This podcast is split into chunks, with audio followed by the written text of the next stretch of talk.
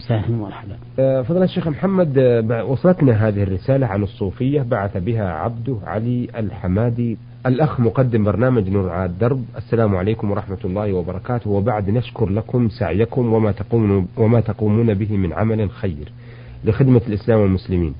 آه، وذلك باستضافتكم لعدد من مشايخ الإسلام البررة والذين ينيرون الدرب لكل من أشكل عليه شيء, شيء في أمور دينهم ودنياهم. وبعد أرجو منكم أن تعرضوا آه، بعض الأسئلة على مجيب هذا البرنامج من المشايخ كما يلي أولا ما هو موقف الإسلام من الصوفية؟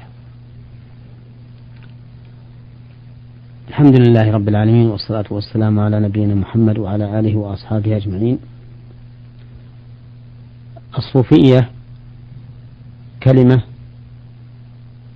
قيل إنها مشتقة من الصفاء وقيل إنها مشتقة من الصفوة وقيل إنها مشتقة من الصوف وهو الأقرب لأنهم كانوا إبان ظهورهم يرتدون الألبسة من الصوف تقشفا وتزهدا.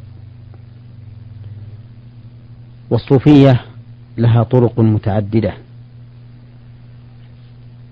يصل بهم أحيانا أو تصل بهم أحيانا إلى الكفر الصريح حيث إنهم يصلون إلى القول بوحدة الوجود وأنهم لا يشاهدون إلا الرب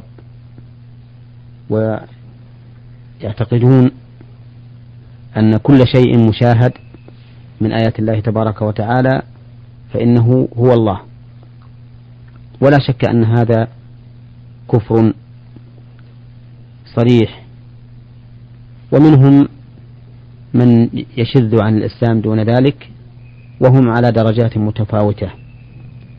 وأنا أنصح السائل أن يقرأ كتاب هذه هي الصوفية للشيخ عبد الرحمن الوكيل رحمه الله لأنه بين في هذا الكتاب ما كان عليه الصوفية الذين يدعون أنهم أهل الصفاء والمعرفة بالله عز وجل. وهم في الحقيقة أجهل الناس بالله لأن أعلم الناس بالله رسول الله صلى الله عليه وسلم. ثم خلفاؤه الراشدون في هذه الأمة ثم التابعون لهم بإحسان. هؤلاء هم أعرف الناس. نعم. وكل من سلك سبيلا غير سبيلهم فإن له من الجهل بالله تعالى بمقدار أو فإن فيه من الجهل بالله بمقدار ما نأى به عن طريق هؤلاء أي عن طريق النبي صلى الله عليه وسلم نعم. وخلفائه الراشدين نعم. نعم.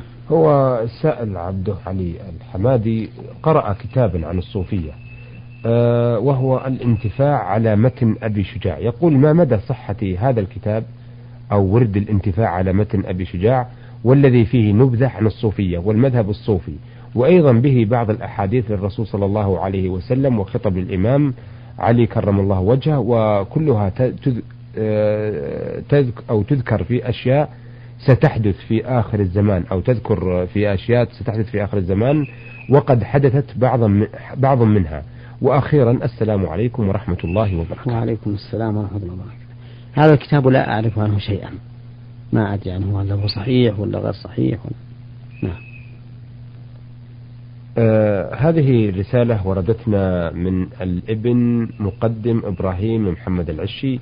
آه فيه آه الحقيقة معاملة الأب للابن وهي من المسائل الاجتماعية. يقول آه، لي مشكلة أضعها بين أيديكم راجيا من الله أن أجد لها حل. أنا رجل في سن 28 وكفيف النظر وطالب بمعهد النور بالصف الثاني متوسط.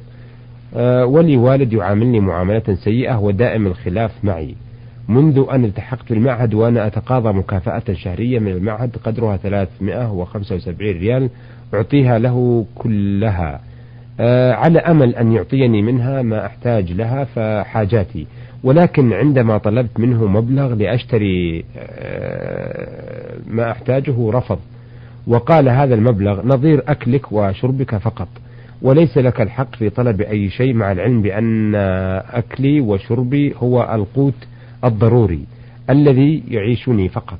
علما بأن حالته المادية لا بأس بها وعنده آه، وعندما وجدت منه ذلك حاولت الاحتفاظ بجزء منها لي ومن هنا بدأ الخلاف فطردني من المنزل دون سبب وحاولت الرجوع إليه مستعينا بأهل الخير ولكن لم أدم طويلا. وطردني ثانية بدون سبب وتكررت هذه الحالة. وأنا أعيش مشرد في شوارع البلد دون مأوى أو مكان يأويني مما تسبب عنه رسوبي بالمعهد. ويقول علما أني لم أعلمكم بأن زوجته هي غير أمي فهي زوجته امرأة أبي. ولا أعتقد أن السبب منها حيث لم أجد منها ما يسيء إلي. وأعتقد بأن السبب هو والدي فقط. فأيضا يقول وأنا الآن مشرد في الشوارع وما الحل أو ما هو الطريق الصحيح؟ أرجو الإفادة وفقكم الله. الحمد لله. أقول إن هذه الحال من أبيك لا تنبغي بل الواجب عليه أن يقوم بكفايتك. إذا كان قادرا من ماله فإن لم يكن قادرا فمن الراتب الذي تتسلمه من معهد النور. ولا يحل له أن ينقصك كفايتك سواء أخذ منك الراتب أم لم يأخذ. لأن إنفاق الأب على ولده واجب. لقوله تعالى وعلى المولود له رزقهن وكسوتهن بالمعروف. يعني المرضعات لأنه هو الذي ينفق على ولده. والذي أنصح به والدك أن يتقي الله تعالى في معاملتك إذا صح ما نسبته إليه وأن يقوم بكفايتك على الوجه المطلوب لينال بذلك الأجر من الله وليكون ذلك عونا لك على بره في حياته وبعد مماته. نعم. نعم. آه هذه الرسالة وردتنا من الحاج آدم حسن محمد سوداني يقول أرجو لكم من الله التوفيق والسداد. ولقد نعم. سمعت كثير من الناس آه يقول لبعض الناس أنت بني آدم حيوان ناطق. فهل هذا الكلام آه صحيح؟ أكون ابن آدم حيوان ناطق؟ والله هذا الكلام مجرد فلسفة وأرجو الإفادة فيه وشكرا. لعله إلا هذا الكلام. لا يقول والله هذا الكلام مجرد فلسفة وأرجو الإفادة وشكرا. نعم. آه، نقول هذا الكلام أن الإنسان حيوان ناطق هو من مصطلحات الفلاسفة لأن الحيوان عندهم ما كان فيه حياة وروح ونفس والفصل في هذا الحد للإنسان هو كلمة ناطق. فيقولون إن الإنسان حيوان ناطق وهو من بني آدم. ولكن هذه الكلمة أصبحت الآن في عرف الناس كلمة سب وشتم. ولهذا لا يجوز للإنسان أن يقولها لأخيه لا سيما في مقام المغاضبة والمخاصمة لأنها حينئذ تكون سبا. نعم. بعث بهذه الرسالة المرسل ميم ميم شين من الطائف. يقول أرجو إفادتي عن هذه الأسئلة جزاكم الله ألف خير. السؤال الأول ما حكم الشك في الزوجة إذا جاء عن طريق الوسواس والأوهام؟ وهل يوجب الطلاق؟ هذا من الشيطان أن يتوهم الإنسان في زوجته انحرافا في سلوكها وأخلاقها. والواجب عليه أن يستعيذ بالله من الشيطان الرجيم وأن لا يلقي لهذه الوساوس بالا. وقد جاء رجل إلى النبي صلى الله عليه وسلم فقال يا رسول الله إن امرأتي ولدت غلاما أسود يعرض بها. نعم. فقال النبي صلى الله عليه وسلم له هل لك من إبل؟ قال نعم. قال فما ألوانها؟ قال حمر. قال فهل فيها من أورق؟ قال نعم. قال من أين أصابها ذلك؟ فقال النبي صلى الله فقال الرجل لعله نزعه عرق. فقال رسول الله صلى الله عليه وسلم له وابنك هذا لعله نزعه عرق. فبين له النبي عليه الصلاة والسلام أن مثل هذا لا يوجب الشك في المرأة مع أنه أمر قد يحدث الشك للإنسان. إذا أتت امرأته وهي بيضاء وهو أبيض بولد أسود فإنه لا شك سوف يحدث عنده بعض الشيء. ولكن النبي صلى الله عليه وسلم طرد هذا بأنه لعله أن يكون نزعه عرق من أجداده السابقين من نعم. قبل أبيه أو أمه.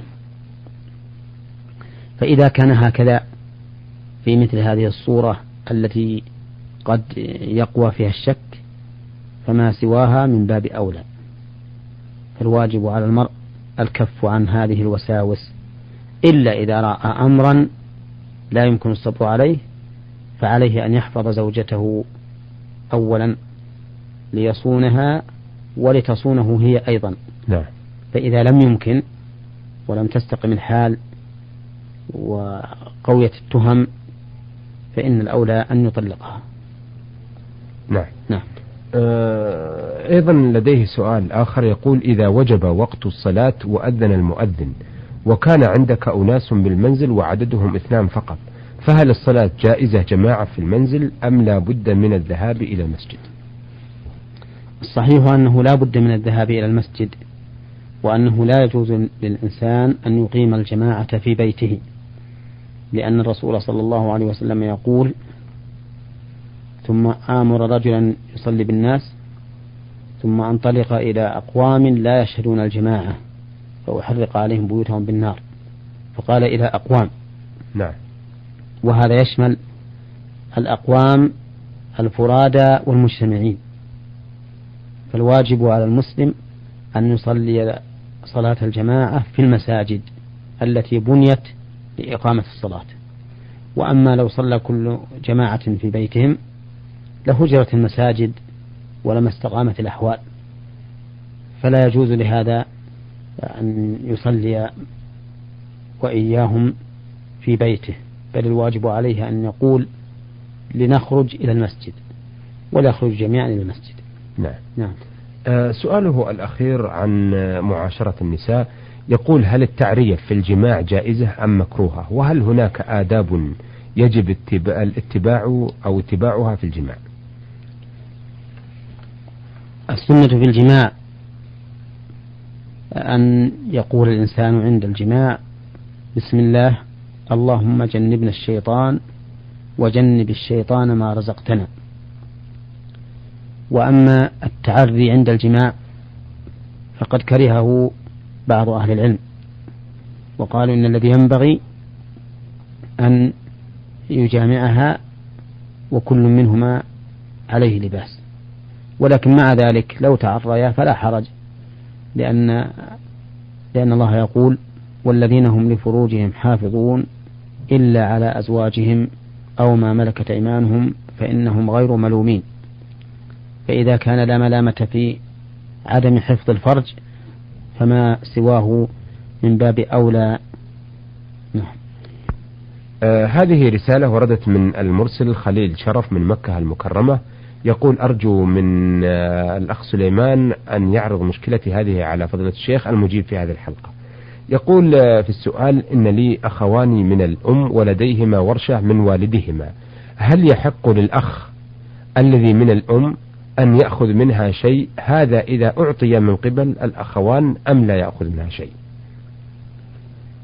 هذه الورشة إذا كانت للأب ولكنها ولكنه أعطى أعطاها الولدين من أجل العمل فيها فقط.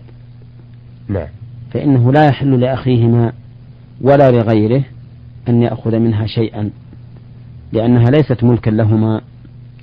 وأما إذا كان والدهما قد أعطاهما هذه الورشة على سبيل التمليك وأنها ملك لهما وهما ممن يجوز تصرفه وتبرعه فتبرع بشيء منها لأخيهما من أمهما أو لغيره من الناس فإن هذا لا بأس به لأنهما مالكان جائز التصرف والتبرع. نعم.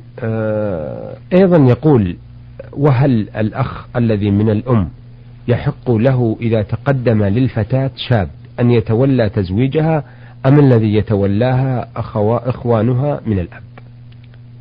آه الذي يتولى تزويج المرأة هم أولياؤها. نعم. وليس لإخوتها من الأم ولاية في عقد النكاح. إلا إن وكلهما من له الولاية من العصبة؟ وذلك لأن ولاية النكاح للعصبة فقط والأخوة من الأم ليسوا عصبة. نعم, نعم. آه له سؤال آخر يقول هل يجوز إقامة الصلاة مثل الأذان؟ وفي أي مذهب هذا حيث أن بعض المساجد يقيمون الصلاة مثل الأذان وإذا جاءت وإذا جئت للنصح قالوا إن هذا مذهبنا كذا ما هو المذهب الذي يقيم الصلاة مثل الأذان؟ هذا المذهب هو مذهب أبي حنيفة فإنهم يقيمون يجعلون الإقامة كالأذان بل هي أكثر منه لأنهم يزيدون فيها قد قامت الصلاة مرتين.